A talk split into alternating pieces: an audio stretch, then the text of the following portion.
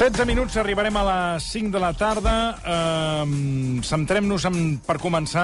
Uh, Toni Muñoz, bona tarda. Bona tarda. Periodista de successos i tribunals de La Vanguardia, col·laborador de rac Deia que ens centrem per començar amb Sant Hipòlit de Voltregà, on aquest matí la policia ha escorcollat l'habitatge de Dani M.B., aquestes són les seves eh, segones inicials dels cognoms, l'home de 40 anys que presumptament va assassinar un jove de 15 anys la matinada de dilluns.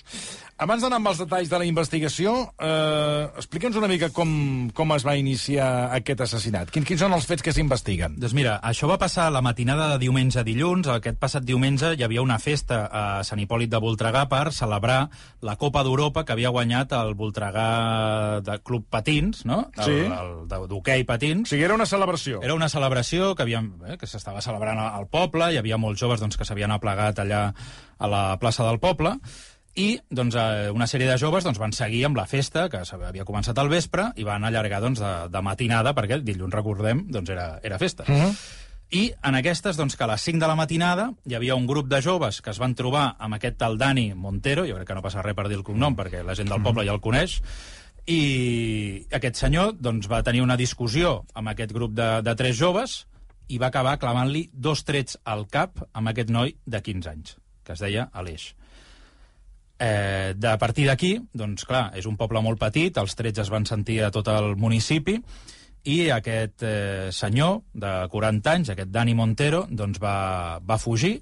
Els Mossos d'Esquadra van desplegar un dispositiu de màxims, van intentar pentinar tots els racons d'aquesta localitat per intentar donar amb aquest, eh, amb aquest fugitiu que anava armat que anava armat. I per això doncs, vam veure doncs, ahir les imatges del grup especial d'intervenció dels Mossos d'Esquadra, que són aquests que entren doncs, en llocs on hi ha gent atrinxerada i armada. No? I a partir d'aquí doncs, van ser 8 hores eh, en què se'l va, se va estar buscant fins que finalment se'l va detectar a Vinyoles d'Urís, quan va ser un veí que el va veure que sortia d'una fàbrica on últimament hi treballava fent una sèrie de, de xapusses, sembla doncs, que no tenia una feina fixa i es dedicava doncs, a fer alguna mena de reformes, i el van veure doncs, que sortia d'una nau industrial cap a la una, per tant, 8 hores després d'haver acabat amb la vida de, de l'Aleix, i va ser aleshores doncs, quan els Mossos d'Esquadra, després d'haver rebut l'avís d'aquests veïns, es van, s'hi van acostar, el van detenir, no va oferir resistència, sembla que va alçar les mans, i a partir d'aquí doncs, el, van, el van detenir. Ha passat aquesta primera nit al calabós i aquest matí s'ha practicat l'escorcoll a casa seva. Eh, què és el que buscaven els Mossos d'Esquadra? Doncs bàsicament l'arma del crim, perquè encara no l'han trobat, Eh, I clar, doncs, eh, ara doncs, s'ha de pentinar tota la zona, també esperaven trobar-la potser a casa seva, però l'han escorcollat i de moment no ha aparegut, i sembla ser doncs, que aquest, eh, aquest home, el detingut, doncs, ha, s'ha desfet, diguéssim, de l'arma del crim durant, durant aquestes hores doncs, que, va estar, que va estar fugit. I la hipòtesi sobre el, el mòbil d'aquest assassinat, se'n sap alguna cosa? Doncs la veritat és que no. Eh, tot el que ja o sigui, són una, rumors... una discussió, ell portava una una, discussió, una pistola a sobre. Ell portava una pistola a sobre, el detingut és una persona doncs, que Se sap si tenia permís d'armes? Això no ho sé. No ho sabem. Això no ho sé. El que sí que sabem és que aquest és una persona conflictiva, que tenia diversos antecedents, que estava relacionat doncs, amb delictes de tràfic de, de drogues, que era conegut al municipi doncs, d'una doncs, persona doncs, que sempre buscava, buscava brega, no? d'aquesta mm. gent problemàtica. Mm. I que Conflictiu, era conflictiu. I tothom el coneixia, però tothom sabia doncs, que era allò millor no, no acostar-se doncs, a aquest, eh, a Individu. aquest, a aquest individu. No? Clar, quin és el motiu que desencadena aquesta discussió? Això no ho sabem. De moment, els companys doncs, que anaven amb la víctima tampoc no han volgut eh, parlar doncs, amb els Mossos d'Esquadra i a hores d'ara doncs, es fa difícil de donar una hipòtesi. Se sap que hi ha aquesta discussió i que aquest home doncs, reacciona d'aquesta manera tan desmesurada com és eh, disparant una pistola al cap d'un noi de, de 15 anys. I per què és tan important trobar la, la pistola? És a dir, si hi havia testimonis que l'han identificat com, com l'autor d'aquests trets, mm, que trobin la pistola o no, què canvia? Home, el que canvia és que eh, podries saber exactament d'on ha tret aquesta pistola, quina és la munició que portava, d'on l'ha tret, i després doncs, eh, no donar-li cap altra opció. És a dir, aquí ara l'autòpsia segur que determinarà doncs, que va morir de dos trets, però eh, també pots dir doncs, que vas disparar a un altre lloc, o que vas disparar a l'aire, o, que li va, o que volies donar-li un altre lloc. Vull dir que s'ha de veure eh, quina és l'arma i quina és la munició doncs, amb la qual doncs, el va disparar perquè, perquè tot encaixi, no? Al final, doncs, aquí Aquest és el tema. Vaja. Parlem de, parlem, estem parlant d'un assassinat amb pistola i d'un eh, un assassinat amb pistola que ens porta un altre, perquè l'assassí de Canovelles, recordem-ho, eh, que és aquell home que va entrar a un centre de, de tir i que va matar un l'encarregat d'aquell centre, doncs eh, va intentar també matar un altre home. Sí, aquest és un dels detalls que ha aparegut en el sumari judicial del cas, el que he pogut eh, revisar aquests dies, i que era un detall doncs, que desconeixíem. I clar, i és que aquest sigui, no home... n'hagués matat un, sinó dos. Sí, i el problema és que li va fallar l'arma.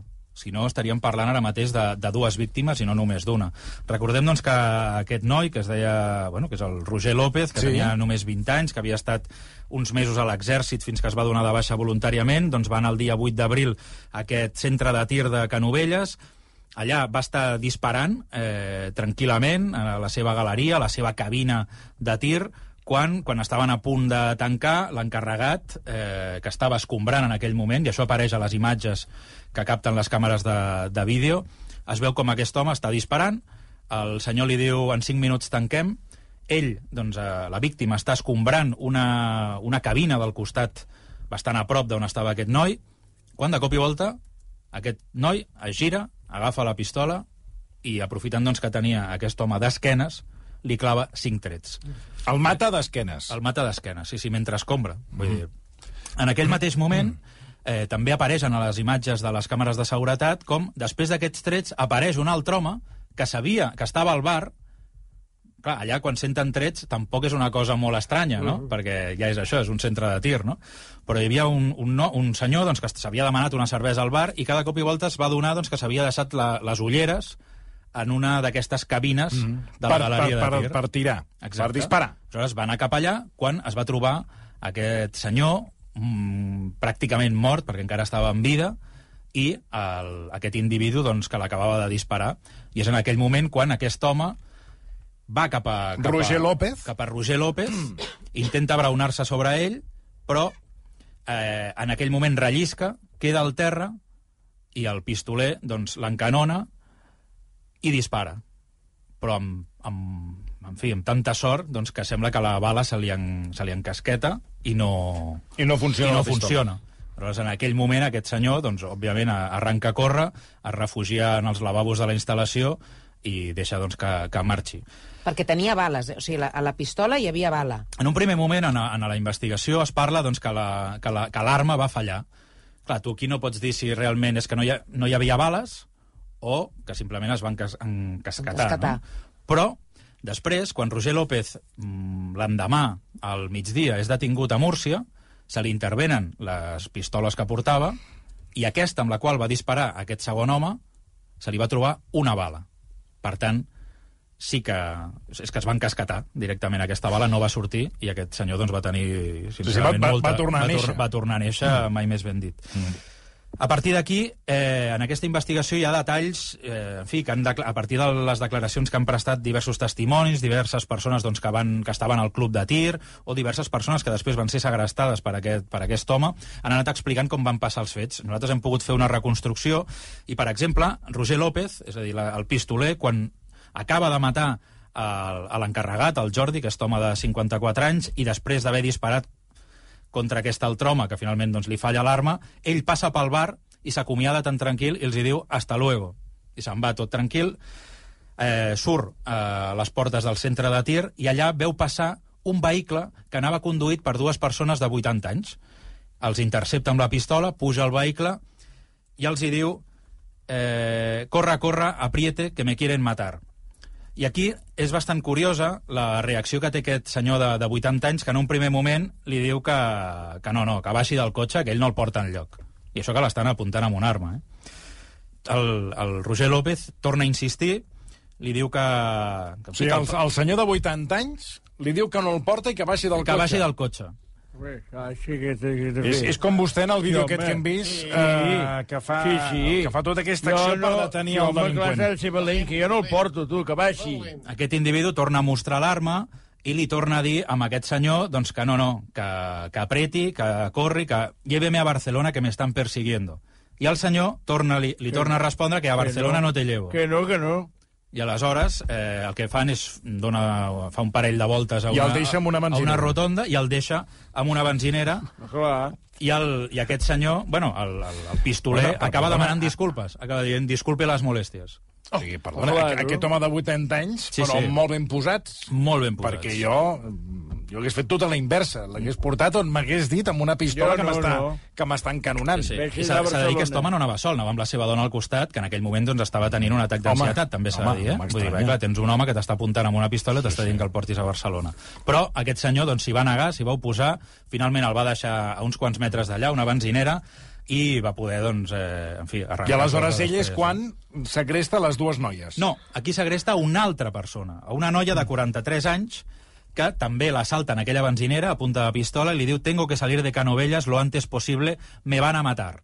En aquell mateix moment li agafa el telèfon, puja al cotxe, la dona, doncs, tota espantada, doncs, segueix conduint i el porta cap a Barcelona. Primer li diu que vagi cap a la plaça Catalunya, després, al final, acaben entrant a Barcelona per Glòries, per la plaça de les Glòries, i d'allà li diu que agafi l'avinguda Diagonal. I saps per on passen?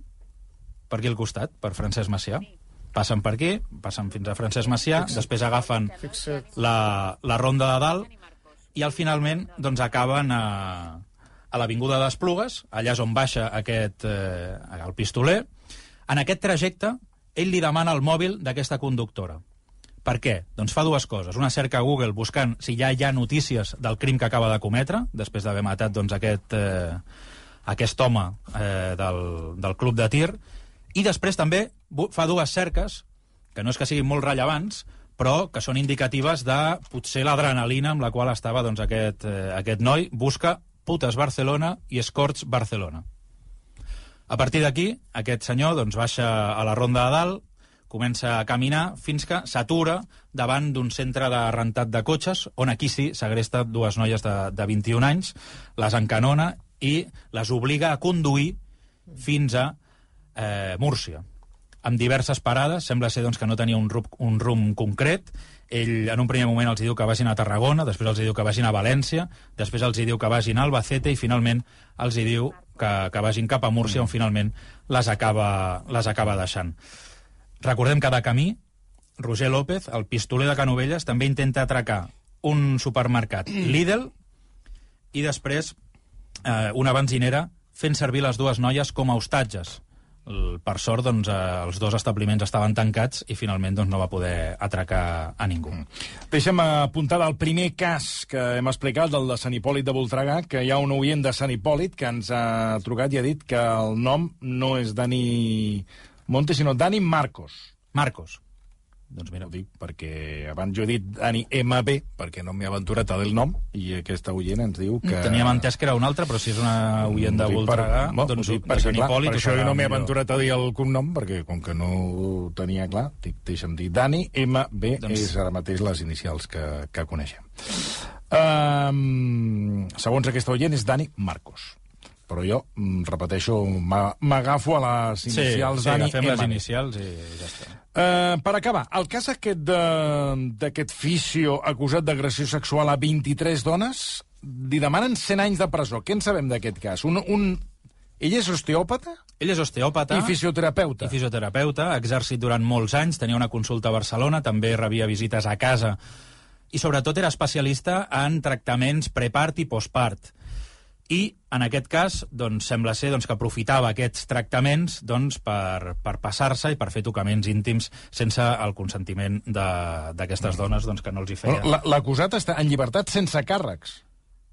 està en llibertat amb càrrecs. Amb I, de fet, càrrecs. avui ha estat, ha estat jutjat i ell, doncs, bàsicament, el que ha dit és que ell s'assenyia a fer el seu tractament i que ja està, i que tot el, tots els tocaments que va fer era per fins terapèutics i que en cap moment doncs, va abusar sexualment de les seves víctimes. Aquest home va estar a la presó, va estar a la presó un parell d'anys en presó, en presó preventiva, i, en fi, avui ha estat jutjat, ha dit això, doncs, que bàsicament eh, aquests casos que se li imputen són falsos i que era tot amb fins eh, terapèutics.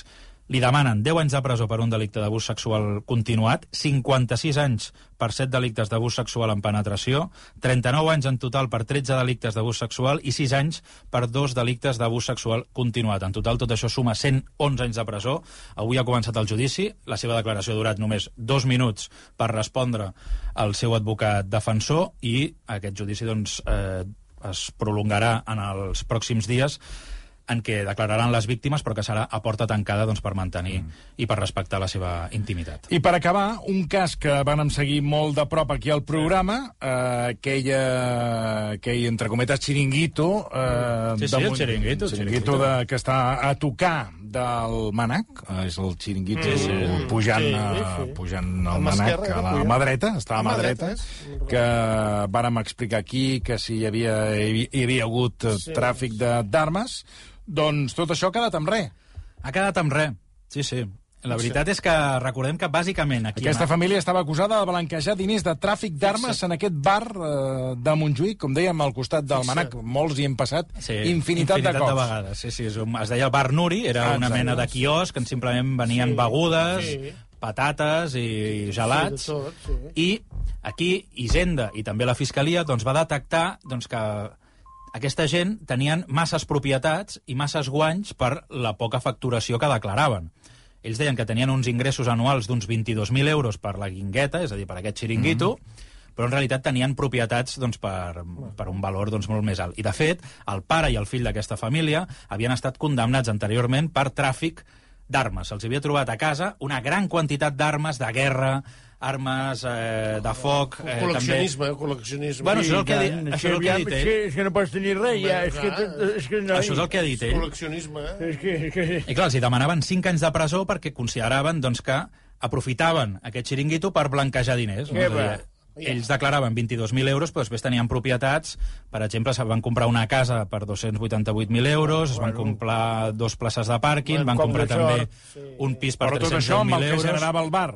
Exacte. Ara, i tu? O perquè els hi ha tocat Molt potser una profitós, loteria, vés a saber. Clar, eh? quins han estat els arguments? Perquè al final els han absolt. Mm -hmm. Doncs ells deien que no, que, aquest, que aviam, ells al final ho pagaven en negre, que no declaraven tot el que guanyaven, Esclar. però que ells podien arribar a guanyar 180.000 euros cada any, només d'aquest xiringuito. I que, per tant, aquestes armes que eren... Home, és un xiringuito que sempre que hi passes, les Sempre coses com són, sempre està ple. I passa molta gent per allà. I els Clar. turistes, molts que estan a dalt, baixen a fer la... I passa molta gent. I cada cop és allò, el fenomen, la reproducció de pans i els peixos a Barcelona, que on hi havia tres taules, ara n'hi ha 25. O 700. És una mica el, o 700, és una mica el que passa. O sigui, ara, entre una taula i l'altra, pots arribar a Berlín. Mhm. Amb taules. Si amb les- taules, si les poses filera, juntes. En fileres. sí, sí, sí. Hi ha carrers, de, illes de, Sí, sí, de, de cases, aquí a l'Eixample, Sí, sí, sí, que tu no cal que toquis. Jo pujo, vaig per sobre les taules Sí, sí, sí, per sí. evitar el terra, perquè si no se les sabates. Exacte, dels pixats I, de gos. Sí,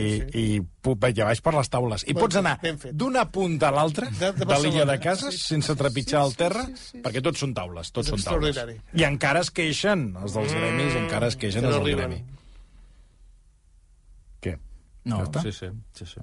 No, Sí, sí. No, vull dir que és possible. Sí, possible, és possible, tot és no, no, és possible. això, i guanyaven, diu, molts diners, molts diners només pel, pel xiringuito i que aquestes propietats les pagaven, diguéssim, Sí, sí, amb el que sí, facturaven del propi... Sí, sí. Del propi... Per Després, i, I després és allò, vols, el, tip, lo típic, vol, vols el tíquet?